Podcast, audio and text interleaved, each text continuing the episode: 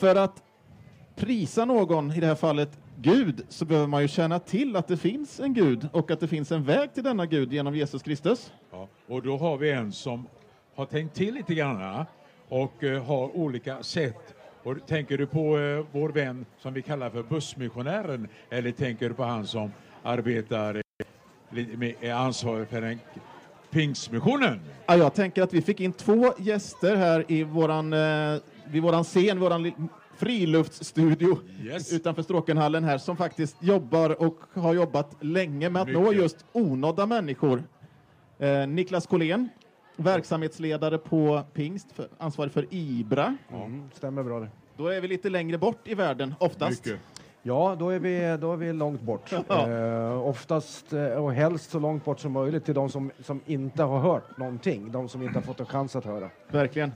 Och så har vi Ove Jonsson, en känd radioröst, men också då en bussmissionär. Och du når också människor som ibland kan vara onådda, trots att man bor och funnits i Sverige hela sitt liv, så kan de finnas på torget i Eksjö eller vart de nu är någonstans. Ja, vi har mött eh, ungdomar och äldre som har sagt jag har aldrig hört om Jesus. Och det är svenskar.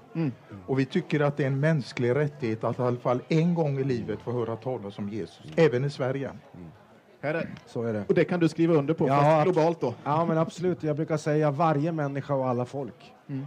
Eh, Alltså varje människa var du än bor någonstans. Mm. Och alla folkgrupper, som det står att vi ska göra alla folk till lärjungar. Så att varje människa som inte har hört talas om Jesus behöver göra det och alla folkgrupper be- behöver få en chans Mm. att få höra talas om honom. Och då använder du ett bra sätt då att använda radio. Absolut, vi kör ju mycket radio, eh, men även andra media Ja. förstås, både tv och mycket sociala media och, och webbaserat och så vidare. Media är ett verktyg, självklart bara, så att vi, vi använder det verktyget som funkar bäst för, för den målgrupp som vi vill nå. För jag följde ju historien när, när Ibra började. Då var det så stort med radion. Får jag fråga nu när vi är så modernt och det finns så mycket andra tekniker. Är det samma styrka och samma som lyssnar på radion som det var i början? Jo, men det, det ser väldigt olika ut i världen. Eh, alltså om vi tar Afrika till exempel, där är det fortfarande mycket radio. Vi använder mycket FM-stationer och där, där går vi in och, och, och vi har ju inga egna radiostationer och har egentligen aldrig haft. Men vi går in och köper radiotid på eh, muslimska radiostationer. Eh, och det är perfekt för de har ju den målgrupp som vi vill nå. Eh, Så där är mycket radio. Går vi upp till Mellanöstern så är det mindre radio, det är mera webbaserat. Eh, TV, mycket sociala media. Går vi över till Afghanistan som är ett viktigt land så sänder vi radio. Då sänder vi fortfarande på kortvåg och mellanvåg till exempel. Så att, så att det, är, eh, det är liksom från kortvågsradio fortfarande till egentligen ganska sofistikerade social media-strategier. Det är fantastiskt. Men bussmissionen den går på diesel va? Ja, bussen rullar på diesel. Motorn vill ha det. Ja.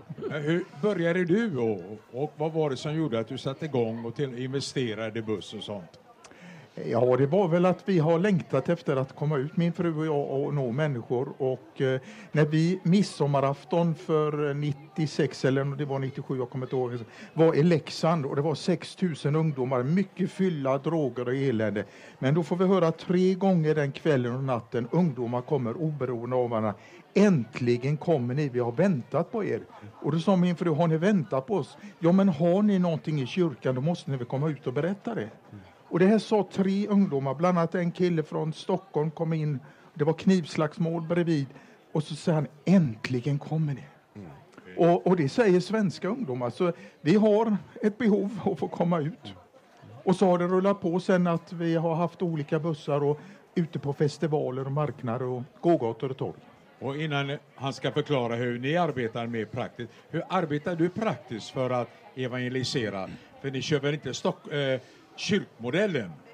Att ni mässar och sånt där och Nej. och sjunger med segertoner? Nej, nej, utan det är att ställa upp bussen på en bra plats och så bjuda in folk och få det här goda samtalet om en kopp kaffe och en bulle och, och samtala och inte vinna diskussionen. Och vi har väl märkt att det kanske största problemet idag i vårt samhälle är ensamheten.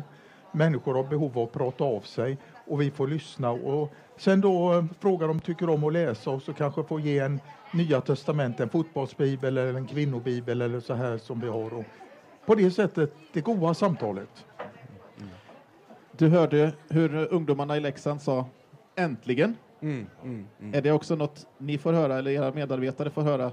Jo, men absolut. Väldigt mycket så. Det är ju, det är ju, vi rör oss ju i oftast väldigt svåra miljöer. Eh, muslimvärlden, buddhistvärlden, hinduvärlden och så vidare. Men det finns ett oerhört sökande. Eh, inte minst i de yngre generationerna där man, man har tappat fotfästet. Du har tappat eh, e-, egentligen tron på det som man har vuxit upp med eh, när det gäller världsbild, när det gäller religion. Och man, man söker annat. Och samtidigt så lever man i en värld, och det är likadant i Sverige eller i Afghanistan, man lever i en värld som på något sätt håller på falla sönder på olika sätt. Det finns en enorm hopplöshet. Mm. Så vi möter ju eh, ett, ett, ett, en större respons just nu överallt än vad vi, törs jag säga, någonsin har gjort. Någonstans så finns det ju antagligen människor och kyrkor, församlingar som gör det möjligt. Mm. Hur är responsen där idag? Hur är det relevant? Uppfattas det som relevant, det, du, det ni gör, Niklas? Ja, men absolut, det gör det. Vi är jätteglada. Vi, vi, finns ju, vi skulle inte finnas som IBRA om inte svenska församlingar finns. Eh, de som, de som är här på området, de som ger varje månad, de som stöttar, de som ber. Eh, så det finns ju en stort liksom, ägande av det vi gör ute i de svenska församlingarna och det är jätteviktigt för oss. Vi har en stor ung generation. Vi har vår monter här borta med mycket ungdomar. Jag får ju gå liksom väga runt den så att jag inte höjer medelåldern för mycket. Och det är glädjande. Det vore tråkigt om det vore motsatsen. Så att, eh, vi är glada. Jag är verkligen hoppfull när det gäller den unga generationen och mission. Verkligen. Hur är det med dig med buss? Har du underhållare som stöttar dig? Eller hur kan du få kostnaderna betala?